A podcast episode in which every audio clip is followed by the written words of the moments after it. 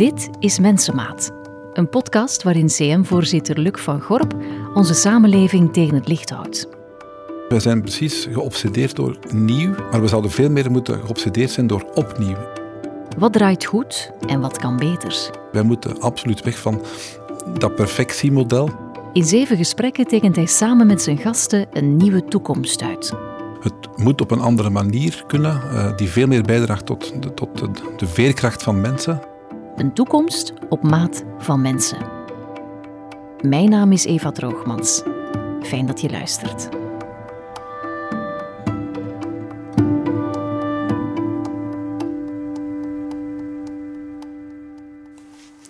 Dag Luc. Goeiedag. Hallo, we hebben jou intussen leren kennen als een geëngageerd man. Iemand die regelmatig stilstaat bij de koers die we varen. Je stelt je fundamentele vragen over het leven en hoe we dat voor zoveel mogelijk mensen comfortabel uh, kunnen maken. Dan denk ik, dat is nu eens de geknipte man voor de politiek. En toch heb je nooit een politiek mandaat gehad, hè, als ik het juist heb? Dat is helemaal juist, ja. Ik heb altijd um, heel veel respect gehad voor de politiek.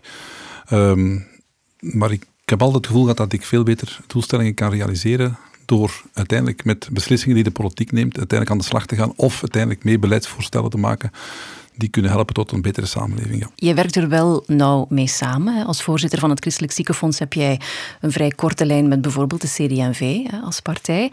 Is dat een voordeel of een nadeel als je dingen wil veranderen zoals jij? Ik denk inderdaad dat, dat, um, dat er linken moeten zijn met, met politieke partijen, omdat je natuurlijk een aantal zaken wilt verwezenlijken in de samenleving. Nu, als dat gaat over het, het gezondheidsverhaal of het gezondheidsfonds, ja, dan kan je niet op je eentje doen. Je doet dat samen met en voor je leden, maar dat doe je natuurlijk vanuit een overtuiging en zaken te realiseren in een, een samenleving ten goede van mensen. Ja. Mm -hmm.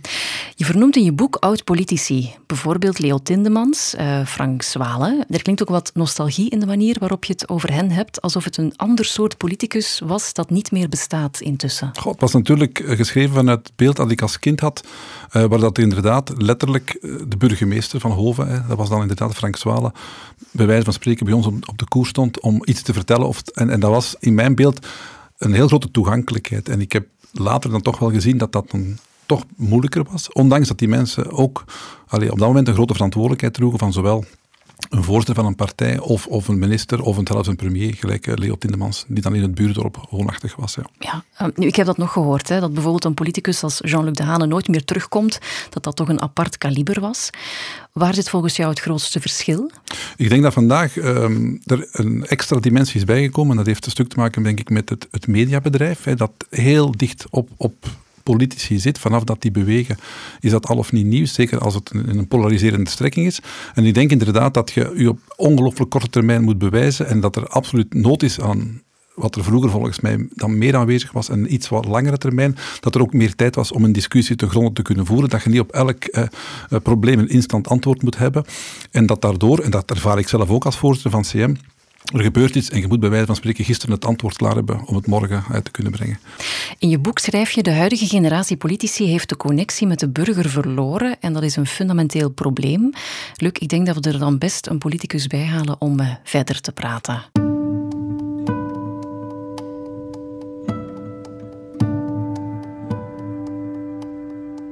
Bart Wever, welkom, voorzitter van de NVA. Luc wou jou er absoluut bij hebben vandaag om te praten over de Belgische politiek en wat er dan mank loopt volgens hem. Maar eerst, op welke manier ken jij Luc zelf? Wel, als voorzitter van een belangrijke middenveldorganisatie die af en toe wel eens op de koffie komt. Minder vaak dan dat we zouden hopen, moet ik zeggen. Maar ja, de tijd uh, gaat onherroepelijk voorbij. We hebben altijd wel iets belangrijker te doen. Maar ik denk dat dat wel uh, nuttig en nodig is dat we elkaar af en toe zien. Welk beeld hebben jullie van elkaar? Uh, ja, ik weet nu welk beeld hij heeft van de hedendaagse politicus. Ik heb dat hoofdstuk gelezen. Ik heb het hele boek aan een sneltreinvaart uh, gelezen. Laat mij toe te zeggen dat ik het met vele dingen eens ben. Maar nu net het hoofdstuk waar u mij voor gevraagd hebt, nu misschien net het minst. Omdat ik denk dat uh, daar toch een beetje het typische geheugenfraude wel een beetje een rol speelt. Hè. Vroeger was het anders en beter. Ik twijfel daar enigszins aan uh, of die politici van vroeger zoveel dichter bij de mensen stonden. Ik heb ooit de biografie van Frans van Kouwelaert gelezen en die moest vluchten in de Tweede Wereldoorlog naar Frankrijk. En men vroeg hem bij aankomst in Le Havre, kunt je een keer de namen en de geboortedata van uw kinderen geven? En hij kon dat niet. Om te zeggen dat um, de wereldvreemde politicus, uh, die verstaat van de realiteit, uh, denk ik niet de politicus van vandaag is. Misschien zelfs minder dan ooit. Maar wij zijn ook maar de product van een onderliggende samenleving die op vlak van informatieverspreiding, op vlak van uh, verzuiling, op vlak van uh, mondigheid, op vlak van uh, op alle vlakken heel erg veranderd is. En mm. de politiek is een weerspiegeling van een samenleving, van een kiezerskorps, veranderd is naar een kiezersmarkt die veel volatieler is, die veel, veel eisender is, waar je veel meer moet inleggen en waar je dus ook sneller door verteerd geraakt. Ja, we gaan daar zelfs dieper op in. Luc, eerst wil ik eens weten waarom je meneer De Wever er graag bij wil hebben vandaag. Ik wou hem er absoluut bij, um, omdat ik vind dat, um, dat er toch een politieker um, binnen de persoon van Bart De Wever zit, die, die een beetje buiten categorie is. En uh, dat ik absoluut het intellectueel debat wilde aangaan van uh, als je vertrekt vanuit een mensvisie of een, een proberen te zoeken naar welke gedeelde mensvisie kan je hebben dat je elkaar uh, mogelijk kan tegenkomen. Dat wil niet zeggen dat je het op alles eens moet zijn, maar dat je wel bereid bent om het intellectueel debat in moeilijke omstandigheden te voeren. En het is iets waar ik altijd wel gedacht heb, daar wil ik het ooit wel eens over hebben. Um, het kan ons dan alleen maar als mens sterker en rijker maken, denk ik. Bart, hoe lang zit je eigenlijk al in de politiek? Sinds eeuwig eigenlijk. Ik ben daarin geboren. Um, ik ben beroepspoliticus, wat ik nooit wilde worden sinds 2004. Maar een leven zonder politiek, dat wil zeggen betrokkenheid op de Respublica, dat heb ik eigenlijk nooit gehad. Dat is mij met de paplepel meegegeven. Mm -hmm. En met welk doel ben jij ooit in de politiek gestapt? Ja, uiteindelijk om uh, vanuit de typische spanning uh, tussen de wereld zoals je die percipieert en de wereld zoals je denkt dat die zou moeten zijn. Daar zit een spanning op. En die spanning die drijft een politicus. En als het een goede politicus is, dan houdt hij het gezonde evenwicht tussen de ethiek van die overtuiging en de ethiek van een bepaalde verantwoordelijkheid die je moet opnemen in de realiteit. Die boog, die moet heel juist gespannen staan. Staat die te veel naar overtuiging, dan heb je meestal een nutteloze politicus. Uh, staat die te veel naar uh, verantwoordelijkheid, dan heb je waarschijnlijk een politicus die vooral aan zichzelf denkt uiteindelijk. Dus dat is de kunst om dat, die spanning te houden en in uw circulair bestaan, want dat spreekt me wel aan, hè, dus het leven is niet lineair. Met vallen en opstaan die spanning altijd terug te zoeken. Had jij als beginnend politicus een realistisch beeld van het politieke systeem in ons land? Helaas wel. Uh, dat was een van de redenen dat ik het nooit wilde doen, want ik ben van opleiding historicus. Uh, mijn specialist, uh, specialisme was politieke geschiedenis 19e en 20e eeuw en ik heb een thesis geschreven over de naoorlogse politiek en had mij toch wel een vrij goed beeld gevormd van hoe het daar aan toe gaat in een politieke partij en hoe die mensen zich ten opzichte van elkaar verhouden. En ik moet u zeggen dat in weerwil van wat ik lees in het boek, ik vooral heel veel constanten zie in het menselijk bestaan, het menselijk handelen, het streven naar macht. De technologie waarin dat we dat doen, die verandert. En dat heeft een impact. De samenleving die, waarin we dat doen, die verandert ook. Maar de mens verandert niet. De geschiedenis herhaalt zich nooit, maar de mens constant. En dus eigenlijk sinds de Romeinse Republiek is politiek eigenlijk niet meer veranderd. We tellen vandaag onze volgers op Facebook. Een Romeinse politicus die telde letterlijk de mensen die achter hem gaan, die hem volgden, letterlijk op weg naar het forum. En als je ziet wat er op internet staat en je analyseert de graffiti die in Rome op het forum werden gekrast, ja, dat is behoorlijk constant hoor. Eh, de mm. aard daarvan, ook de vulgariteit daarvan. Dus ik geloof ook niet, in tegenstelling tot het boek, dat de politiek verhard is, dat de toon verhard is, dat het polariserender is. Geloof je dat echt niet? Zelfs in tegendeel de generatie voor ons, dus eh, de generatie van de jaren 60, daar werd er echt in het parlement gescholden en men vond dat normaal. En die scheldpartijen trokken zich door in de verzaalde kranten, die dikwijls werden geschreven op de parlementaire banken. Een generatie daarvoor werd er geslagen. En een generatie daarvoor werd je op straat soms gewoon doodgeschoten. Wij zijn eigenlijk denk ik de zachtste generatie politici die er is. Maar de gevoeligheid voor onze taal, die is enorm gestegen. Dus als er al eens iets wordt gezegd wat wat harder valt, ja, dan, dan staat de wereld stil en dan focust men daarop. Vroeger was dat doodnormaal. En dus ja, ik denk dat daar een perspectiefvernauwing wel een beetje in het, in het, in het boek zit. Luc, wil je daarop reageren? Ik heb het al een stukje aangehaald. Ik denk inderdaad dat de, de, de camera ongelooflijk dichtgericht staat op alle mensen. En er is inderdaad ook wel een probleem van, als we schrijven pleidooi voor imperfectie, dat, dat wordt eigenlijk niet toegestaan. Want eigenlijk wordt er verwacht dat je op alle domeinen, binnen de gezondheidszorg moet je perfectie afleveren, binnen het onderwijs perfectie, of perfecte leerlingen, binnen de politiek perfecte politici. En ik denk, ehm, en dat beschrijf ik ook heel duidelijk in het boek, het gaat volgens mij niet over de politieker aan zich, die mogelijk inderdaad niet veranderd is, maar het is het, politieke systeem dat volgens mij een, wel een verharding heeft gekend, juist omdat er zo een aandacht gaat naar alles wat er vandaag binnen het politieke bedrijf of politieke ehm, systeem gebeurt. En ik denk dat dat inderdaad niet bijdraagt tot de vorming van talentvolle mensen. Want voor mm. mij is politiek het mee de samenleving opbouwen vanuit een bepaald perspectief, vanuit een bepaalde overtuiging. En ik denk dat de politiek zich terug moet een stuk leren aan leiderschap. En dat is waar dat volgens mij de bevolking aan zich vandaag dan, maar ook morgen, nood aan heeft. En het is daarom ook, en ik kom maar terug, van ehm, waarom kijk ik dan in deze naar Bart de Wever, omdat ik ehm, daar wel leiderschap ervaar in, in zijn manier van, van zijn en proberen het verschil te maken in een samenleving, maar dat het systeem daar rond dan niet toelaat. Dus hij moet ook op elk moment instant antwoorden geven. Hij moet elke keer reageren op wat er gebeurt. En uiteindelijk, ik denk dat politiek per definitie eigenlijk ook een traag bedrijf is en geen sneltrein is. Mm. En, maar het is wel een sneltrein geworden. En dat is volgens mij wel veranderd. Maar ik denk aan zich, de mens wil zich connecteren aan zijn politieker.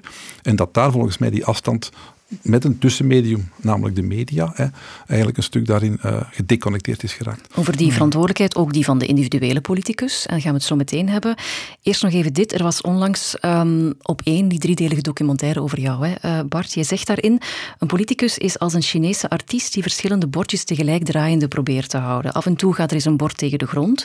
En het lot van elke politicus is dat er ooit eens een bordje te veel tegen de grond gaat en dan mag je gaan. Met andere woorden, werken in de politiek, dat is eigenlijk, zo komt dat bij mij over, als werken met een tikkende tijdboom op je rug. Ooit gaat dat eens mis. Dat lijkt mij een vreselijk complexe omgeving om in te werken. Ja, net zoals u waarschijnlijk medelijden hebt met die Chinese artiest die al die stokjes uh, moet laten draaien, maar die Chinese artiest uh, die draait daar zijn hand niet meer voor om. Hè? Dus voor hem is dat een koud kunstje geworden. Ehm, en de politiek is eigenlijk net hetzelfde. Je groeit in dat bedrijf, je krijgt een bepaalde verantwoordelijkheid, je groeit verder, je krijgt meer verantwoordelijkheden, maar je leert daar ook wel mee omgaan. Ik denk dat Luc gelijk heeft als hij zegt dat de snelheid van de samenleving zoals we die vandaag kennen, dat dat voor het politieke bedrijf en de ontwikkeling van leiderschap en leiderschapskwaliteit, dat we er niet op vooruit zijn gegaan. Dus de vroegere verzuilde samenleving hadden die zuilen wel de mogelijkheid om een bepaalde zekerheid te bieden, een bepaald comfort uh, te bieden, um, waaruit mensen konden worden opgekweekt uh, naar bepaalde verantwoordelijkheid en, en die die ook over een langere periode konden waarnemen. Die luxe die hebben we niet meer. Je moet als beginnend politicus onmiddellijk renderen. Dat wil zeggen, je voorkeurstemmen worden geteld. Als je naar die aantallen gaat kijken en je vergelijkt die bijvoorbeeld met, met wat een Huismans of een Van Kouwelaert maar haalden op hun hoogtepunt, dan moet je nu als beginnende politicus al achter je naam krijgen. En ja, dat betekent dat je veel sneller dat moet doen om, om die kiezer, dat in die kiezersmarkt, om die aan jou te binden dat je veel meer binnenwegen moet nemen en dat je ook sneller opgebrand uh, geraakt. Ik denk dat dat, denk dat dat wel duidelijk is. Maar dat het nemen van politieke verantwoordelijkheid een proces is dat eindig is, ik vind dat zelfs gezond. Hè. Ik vind dat zelfs gezond, hè, dat je een bepaalde hmm. periode... En op een gegeven moment is het op en, en moet dat bedrijf zich vernieuwen. Want anders dreigt altijd wel de... Ja, er zijn veel... Uh, uh, veel uh, risico's die, die oppoppen als je te lang een bepaalde verantwoordelijkheid draagt. Het cynisme komt om de hoek kijken, de routine komt om de hoek kijken. Je verliest je wel een beetje je zin voor innovatie, ook in het beleid. Dus uh, op zichzelf is het, is het gezond. Maar ik ga wel akkoord dat we nu op het punt zijn dat je zegt van ja, dat verbrandingsritme is, is te hoog. Ik heb al politici zien opkomen en terug verdwijnen in de periode dat ik actief ben. En dat is twintig jaar. ik heb mensen zien komen, zoals Inge Vervotten, en die is al terug weg. En dan denk ik, ja, heeft die nu niet veel rendement dat ze nog kon geven? Zijn we dat niet kwijt? Omdat die politiek zo verterend is geworden. Hmm. Dat denk ik is wel juist. Wat is volgens jou de minst fraaie kant van de politiek? De minst fraaie kant van politiek? Ja, ik zou zeggen, dat zijn, eh, spontaan wou ik zeggen, dat zijn de andere politici, maar dat, eh, dat, klinkt, misschien, dat klinkt misschien heel cynisch. Het is, laten we zeggen, geen omgeving die um, versterkend werkt voor een positief mensbeeld. Uh, het is een heel concurrentiële omgeving. Uh, die, om in het beeld van die Chinese artiest te blijven met al die stokjes. In de politiek moet je er rekening mee houden dat er ook wel mensen zijn die je dan ook wel eens durven uh, proberen omver te duwen of te tackelen. En die proberen al die borden tegen de grond te krijgen. En die kom je wel voortdurend tegen in andere partijen en misschien zelfs ook uh, soms in je eigen partij. Uh, dat gebeurt. Het is een heel, uh, Het is een omgeving waar l'enfer c'est les autres, zei Sartre. En in de politiek leer je dat wel ervaren dat dat klopt, ja.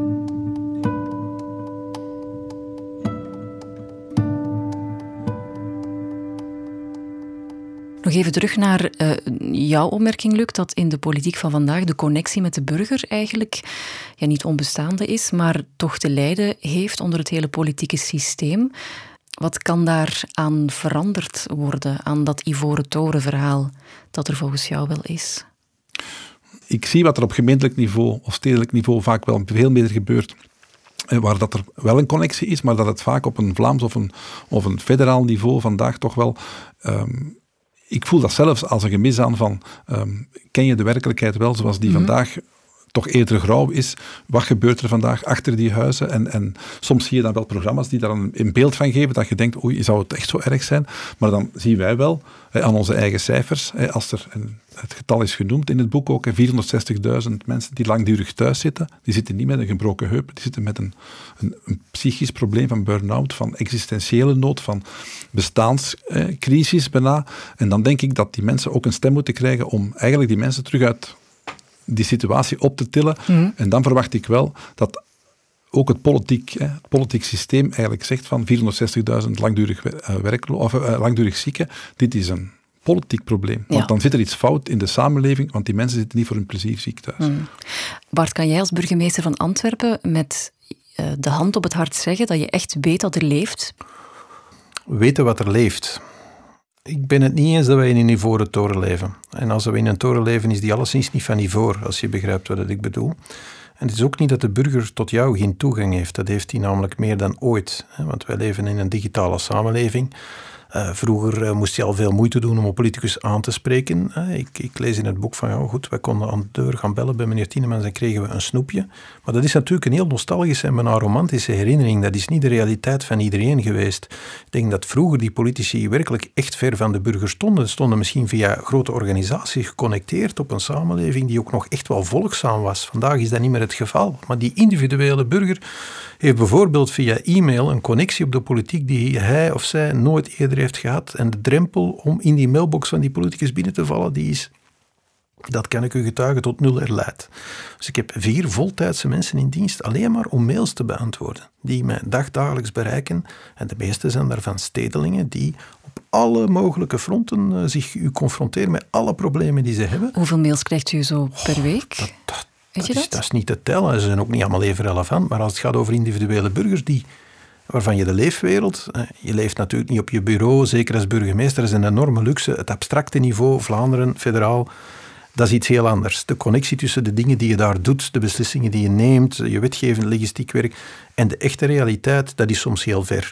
Uh, als burgemeester, en daarom is dat lokaal mandaat zo verslavend voor alle politici, is die afstand er niet. Het is bijzonder concreet, zeker in onze steden. 500.000 inwoners Antwerpen, dat is groot, maar dat is eigenlijk nog wel te behappen. Je hebt nog het gevoel dat je toch in elke wijk mensen kent, in elke vereniging mensen kent.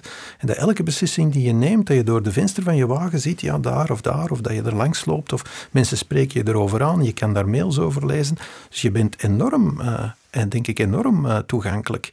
Iets anders is natuurlijk, ja, wat, welk verwachtingspatroon heeft die burger over wat die politicus allemaal kan oplossen? Want in de perspectief van die burger zitten wij wel in een ivoren toren en kunnen mhm. we ongeveer alles oplossen. En dat is een illusie die een politicus bijna niet durft doorbreken. Dat zouden we misschien meer moeten durven. Dat onze impact op de werkelijkheid wellicht kleiner is dan ooit tevoren in een geglobaliseerde economie. Uh, is het niet alsof dat wij beslissingen kunnen nemen die van vandaag op morgen structurele veranderingen brengen voor heel veel burgers. Maar we kunnen wel op concrete dingen aangesproken worden. En ik denk wel dat wij dat weten. Hoe dat die, uh, wat er achter die gevels gebeurt. Ehm, maar ook daar mis ik in het boek, als ik dat mag zeggen, een, een beetje het historisch perspectief. De welvaart is vandaag groter dan ooit tevoren voor iedereen. De gelijkheid is niet toegenomen in de zin dat de armen armer zijn geworden en de rijken rijker. Iedereen is rijker geworden. Alleen de rijken zijn nog sneller en veel rijker geworden dan de armen. Maar het welvaartsniveau dat we vandaag hebben, de toegang tot gezondheidszorg, eh, de toegang tot de volkssoevereiniteit, tot de democratie, tot het burgerschap, die drempels zijn nog nooit in onze geschiedenis zo laag geweest. Ik lees in het boek een aanval op ons neoliberaal denken. Maar in alle eerlijkheid, ehm, zo neoliberaal zijn we niet. Met een overheidsbeslag van meer dan, dan de helft en een, en een gelijkheidscoëfficiënt dat toch vrij laag is. Als je naar het Verenigd Koninkrijk kijkt, dan zie je een overheidsbeslag dat veel lager is. Je ziet uh, een pensioenleeftijd feitelijk die veel hoger is. Een werkzaamheidsgraad die hoger is. Meer mensen moeten daar werken. Maar als je in het boek de connectie maakt met zelfmoordcijfers, zie ik dat die in Engeland maar de helft zijn van bij ons. Dus het idee dat er een neoliberale, harde samenleving is die de mensen niet meer kent en, en, en die de mensen niet meer waardeert um, en die de mensen in hun miserie achterlaat, ik zie dat niet. De ironie is, als je het koppelt en je doet dat in het boek aan zelfmoordcijfers, dat die het hoogste zijn, daar waar de verzorgingsstaat het sterkst uitgebouwd is. In Scandinavië, bij ons, zijn die zelfmoordcijfers heel erg hoog. Dat zijn landen met een gigantisch overheidsbeslag. Mhm. Dus daar ben ik in het boek uh, niet mee mee. Dat wij als politiek, als klasse, in een neoliberaal denken gevat zouden zijn en dat we de connectie met die samenleving kwijt zijn. Dat is niet de gemeenschap die ik meen te herkennen. Dat is niet jouw ervaring, nee volgens mij aan politiek doen, dat gebeurt volgens mij vanuit de buurt, vanuit de wijk, vanuit de gemeente. Van, hè, dus dat is, volgens mij gebeurt het dan wel. Ik denk inderdaad, als ik vaak over politiek spreek, dat dat een Vlaams of een federaal en een Europees niveau is, waar dat die afstand veel groter is. Ik denk, de fout die we ook maken, en het is, het is door inderdaad te luisteren naar wat Bart zegt, van um, de illusie dat, dat de arts of de leerkracht of de politieker alles kan realiseren en dus de perfectie kan nastreven, dat geloof ik inderdaad ook niet. En dan moet ook natuurlijk de politiek of de politieker... in waarheid staan om te zeggen van dit is niet oké. En het is daar waar ik me dan wel soms aan stoor, is van uh, er is geen draagvlak voor. Terwijl ik vind dat een, een politiek die leiderschap um, wil tonen, soms ook onpopulaire maatregelen moet durven nemen om een bepaald doel te bereiken voor een samenleving. Omdat je denkt, dit is, hè, dat is een soort van opvoedingstraject dat je moet lopen. En dan mis ik dan wel van, hè, dat hebben we toch wel vaak gehoord, er is geen draagvlak voor, dus we stoppen dan met de discussie. Hmm. ik denk dat voor alle maatregelen rond corona eigenlijk er geen draagvlak is, maar het is geen keuze, want anders geraken we daar niet uit dat systeem niet uit, enzovoort. Ja. Bart, ik zag in die documentaire, hoorde ik jou ook zeggen, uh, of toegeven, dat je beseft dat je tijdens sommige tv-optredens bijvoorbeeld of bij interviews, uh, die polarisering een beetje in de hand werkt. Maar dat dat een keuze is die je moet maken om je boodschap te kunnen uh, verkondigen of je boodschap over te kunnen brengen. Waar, of hoe bepaal jij waar die grens ergens ligt? Vanaf, vanaf welk moment besef je, ik ben misschien schade aan het berokkenen? Ja, schade berokkenen, dat doe je niet doelbewust, want dan ben je, dan ben je echt een slechte mens. Maar soms doe je het wel onbewust. Hè. Je gaat altijd in de hitte van het debat of de hitte van een, van een interview wel eens een, wel eens een stapje te ver. Uh, en dan heb je daar achteraf, als je normaal functioneert en normaal moreel besef hebt, heb je daar ook wel uh, spijt van. Iets anders is natuurlijk dat uh, we leven in een ander soort samenleving. Het is een kiezersmarkt. Dus je moet vechten voor elke stem. belangrijk is natuurlijk dat je wordt gehoord, dat je wordt gezien. Daarvoor heb je klassieke media nodig, maar in toenemende mate slaan politici die ook over via de sociale media. En bouwen zij, net zoals de politici vroeger, hun eigen kanalen uit en krijg je een nieuw soort verzuiling. Hè? Krijg je kokers van mensen die volgen. Ik vind het vreselijk woord trouwens, volgers. Hè? Die je dan echt volgen en die je dan onversneden kan bedienen van bepaalde uh, boodschappen.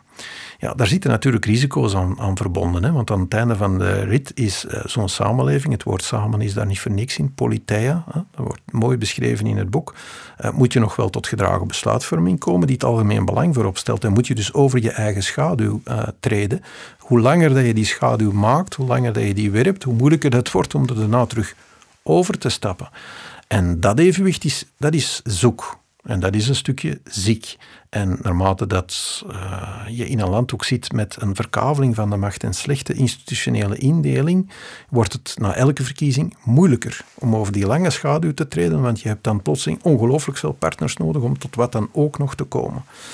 Maar ik zou, om het gezellig te maken, die bal ook kunnen terugspelen naar het uh, klassieke middenveld, waar um, men er ook niet in gelukt is om in die nieuwe samenleving de juiste positie terug in te nemen. Ik zie heel veel burgerbewegingen, heel veel ontstaan langs het klassieke middenveld heen. Dat oppopt uh, uh, rond bepaalde doelstellingen, rond bepaalde verbindingen die burgers maken, belangen die ze willen verdedigen, maar die dat niet meer doen via het klassieke uh, middenveld.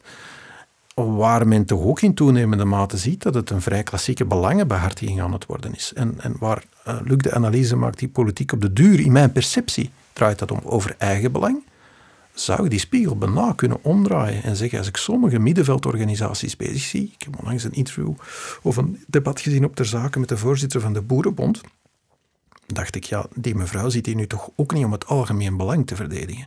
die weet toch ook dat zij nu stellingen aan het verdedigen is die puur over haar eigen aanhang, haar volgers gaan en die niet houdbaar zijn op termijn. Als het mm. over stikstof staat, zij moet toch weten dat zij nu dingen verkondigt die tegen het politeia, die tegen het opbouwen van die samenleving ingaan. Zij heeft niet meer de moed om over die schaduw uh, heen te treden. Ja. En dus ja, um, ik zeg nog eens, je hebt de politici, die, die zijn altijd de vrucht van een samenleving, maar zijn middenveldorganisaties niet in hetzelfde pitje ziek? Luc, dat is een vraag voor jou. Ik volg de analyse die gemaakt wordt van... Um, moet je een, een, transformatie maken van datgene waar dat je naartoe wilt. En ik denk dat wij inderdaad um, sinds een aantal jaren gezegd hebben, wij zijn geen ziekenfonds, maar een gezondheidsfonds. Nu, extremer kunt het niet omdraaien, want je includeert eigenlijk al uw leden en niet alleen maar uw zieke leden. Dus de populatie is dan veel groter. Dat gaat dan over, in ons geval, meer dan 4,5 miljoen leden die lid zijn bij CM. En wij vertrekken niet vanuit ziekte, maar vanuit een gezondheid of de kracht of de veerkracht. En ik, ik, ik merk toch ook wel in om dat te realiseren op microniveau, dat is niet zo ingewikkeld, maar op het macroniveau, waar dat er natuurlijk heel veel belangengroepen daar een ongelooflijk nadeel aan kunnen krijgen, in de klassieke businessmodellen van de pharma of de ziekenhuizen of de artsen, die daar eigenlijk vandaag hun boterham aan verdienen.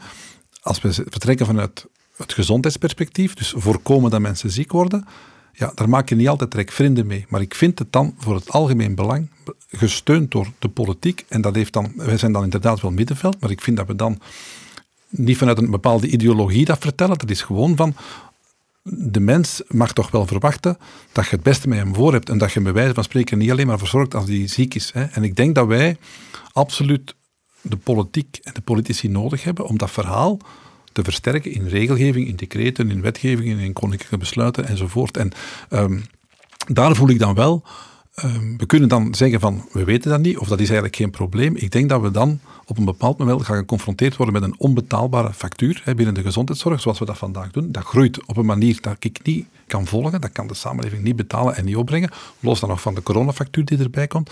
En dan gaan we dus dat geld op een andere manier moeten herverdelen. We hebben een, alleen heel duidelijk het beeld dat we moeten vertrekken vanuit doelstellingen en niet vanuit het betalen van de klassieke silo's die we kennen van de, de artsen en de verpleegkundigen en de mm. ziekenhuizen enzovoort. Als ik dat mag zeggen, ik ga erop inspelen. Ik vond dat een zeer moedig hoofdstuk in het boek over geneeskunde. Ik vond het een heel spiritueel hoofdstuk. Ik, vond het een stoïcijns hoofdstuk ook. Uh, over, over ja, een beetje het in perspectief zetten van uw eigen aardse bestaan. Maar dan denk ik, hier spreekt toch echt Luc. Dit is toch niet de voorzitter van de CM die dit soort standpunten echt naar zijn leden toe zou gaan brengen? Want dan denk ik dat concurrenten van u erop zouden inspringen om te zeggen, ja maar kijk een keer, uw verzekeraar, want dat is voor de klant, is een ziekenfonds eigenlijk een verzekeraar geworden. Daar zit nog een ideologie en een levensbeschouwing achter, maar die is zeer ver naar de achtergrond uh, verdwenen hè, bij die klant dat die uw concurrenten argumenten zouden putten. Ja, maar uw verzekeraar die heeft het eigenlijk niet goed voor met u. Lees eens wat hij schrijft over uw leven zijn en hoe de geneeskunde daarbij moet omgaan. Dat is niet in uw eigen belang. Dat u dat nog zuur zou kunnen opbreken. En dat is in toenemende mate een attitude die ik ook wel bij het hele middenveld zie. Als ik in de verkiezingscampagne 19 heeft men mij op een gegeven moment eens getakkeld omdat ik het in mijn programma had aangedurfd. En achteraf bekeken misschien was dat een stommiteit om eens op hele lange termijn te denken. Net wat je in het boek zegt, heel terecht, dat wij nooit meer doen. En op lange termijn zie je de levensverwachting, die gaat naar, naar 100 jaar. Hè. De mensen die nu geboren worden, gaan 100 jaar misschien voorbij. Dus hoeveel jaar moet je dan werken om een fatsoenlijke verzorgingsstaat te kunnen financieren? Want daar komt het uiteindelijk in het boek, de vragen mij dikwijls gezegd, show me the money, waar moet het vandaan komen? We moeten voldoende jaren werken. Dat wij op termijn gedwongen zullen zijn om de feitelijke pensioenleeftijd, om die met die levensverwachting te laten opschuiven. Dat is dan hertaald naar de one-liner, die het altijd goed doet. Hij wil de mensen nog uh, tot voorbij 67 laten werken. Onmiddellijk het middenveld, meneer Leemans, Christelijke Arbeidersbeweging, die zegt, voilà, NVA niet voor arbeiders, alleen voor mensen die Latijn spreken. Dan denk je, ja, maar wat voor middenveld is dat nu eigenlijk? Want meneer Leemans, jij moet toch ook weten, als je naar de cijfers kijkt, wat er hier aan de orde is. En dat wat ik zeg eigenlijk onafwendbaar is. Mhm. Waar is dat algemeen belang? Waar is die politiek op dat moment? Eh, ik zie die niet meer. Dus de kritiek in het boek, ik kan niet aanvaarden over politiek, hoe die vroeger was, hoe die nu is en hoe die veel te veel op, op korte termijn succes en op aanhang en electoraal scoren en, en one-liners en tweets. Maar ik zie dat bij het klassieke middenveld eigenlijk ook, mhm. om eerlijk te zijn. Politiek moet verbinden, Luc, zeg je in je boek. En laten we nu net nog nooit zo verdeeld zijn geweest. Dat is toch het aanvoelen van heel veel mensen. Iedereen zit lekker in zijn eigen ideologische bubbel, um, zichzelf op de borst te kloppen zonder nog open te willen staan voor de visie van andersdenkenden. Dan heb je eigenlijk geen makkelijk moment uitgekozen om dat systeem te veranderen of daar een beweging in te krijgen? Hoe, hoe, beginnen we daaraan? Ik denk dat vandaag die samenleving snakt naar leiderschap. En niet alleen leiderschap op het politieke niveau, ook leiderschap op het middenveldsniveau. En moet je inderdaad, volgens mij, proberen de richting te bepalen waar je denkt, hier gaan we naartoe moeten. En dan moet je ook je nek durven uitsteken. Hè. Er wordt gezegd, spreek ik nu als Luc van Gorp, als voorzitter van CM? Of, hè. Hmm. Ik spreek echt wel als voorzitter van CM, als het gezondheidsfonds. En niet omdat ik daar een voordeel bij heb ter persoonlijke titel, maar gewoon omdat ik vind dat ik het algemeen belang moet dienen, omdat ik vind dat de mens in zijn waardigheid zijn leven moet kunnen leiden. Eh, het is onrechtstreeks aangehaald, gaan wij inderdaad de discussie moeten hebben over einde van leven. Met alle, alle mogelijke uh, die we vandaag hebben om langer te kunnen leven. Voor mij is, is niet langer leven het issue, is het kwaliteitsvol leven een issue. Ik merk alleen dat we dan soms bang zijn om het debat te voeren. En dan denk ik, er gaat toch iemand op een bepaald moment moeten rechtstaan om voor die oudere generatie te zorgen, weten dat er mogelijk voor die generatie niet genoeg mensen gaan zijn. En ik denk dat we dan andere systemen, andere financieringen moeten krijgen, andere modellen uh, om de zorg te organiseren. En ik zou kunnen zwijgen hè, als verzekeraar, want het zou me dan bij wijze van spreken goed uitkomen, maar ik kan dat niet, ik mag dat niet. Ik denk dat we een ethische verantwoordelijkheid hebben, en of dat nu op middenveldniveau is of op politiek niveau is, dit debat moeten we aangaan. En ik, ik nodig iedereen inderdaad wel uit, gaan we uiteindelijk tijd maken om die laatste vragen hè, over leven en dood te stellen. En dat is een uitdaging. Bart, nog om af te sluiten, wat mij opviel ook in die documentaire is, jij bent ook bezig met wat je nalaat, eens dat je burgemeester af gaat zijn. Wat mag dat zijn? Wel, ik, ik denk hetzelfde als wat ik lees in dat boek. Eh, als je bijvoorbeeld over gezondheidszorg zo'n moedige gedachte poneert, dan is het waarschijnlijk omdat je de ambitie hebt om in jouw mensenleven en wat je tot die polis hebt bijgedragen, de gap te sluiten tussen wat je ziet en wat het zou moeten zijn. En dat is je legacy.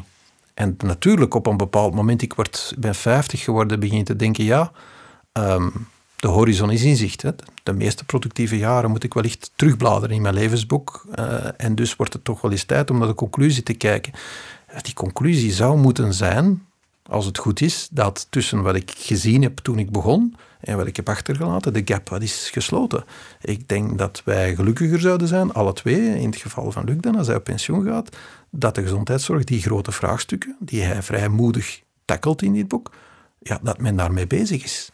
Dat men daar op lange termijn de structuren aan het hervormen is. Want als men doet wat in dit boek staat, die uitdagingen, betekent dat een revolutionaire omvorming van alles. Hè, financiering van de gezondheidszorg, van het hele systeem. Dat is een Herculeaans werk. Je zou kunnen besluiten om te zeggen als verzekeraar, ik ga me dat vooral niet aantrekken. Het zal mij een tijd nog duren. En als je dat niet doet en je schrijft dit soort dingen neer, ja, dan ben je aan je legacy aan het denken. Want je weet wellicht dat dat, als het allemaal lukt, eerder voor de volgende zal zijn dan dat jij er nog van zal genieten. Ja. En dat is een hele gezonde drijfveer om aan politiek te doen. En politiek kan je als politicus doen, maar je kan het even goed als voorzitter van de CM doen. Hè. Alles is politiek, hè. dat bijdraagt tot de samenleving. Denk ik dan toch. Zo zou het toch moeten zijn. En anders is het heel cynisch en kan je beter stoppen. We hadden het er straks over burgers die dingen in beweging willen zetten, die bezorgdheden hebben, bijvoorbeeld over de klimaatverandering. Is er zo eentje? Daar gaan we in de volgende aflevering op in, samen met Inja Schops, voorzitter van Europark. Bart Wever, mag ik jou erg bedanken voor jouw aanwezigheid en jouw bijdrage. En Luc, wij zien elkaar snel weer.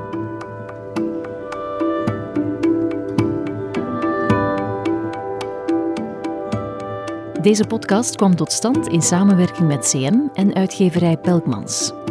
Luc schreef zijn gedachten ook neer in een boek. Mensenmaat, een pleidooi voor imperfectie. Meer info vind je op cm.be-mensenmaat en pelkmans.be.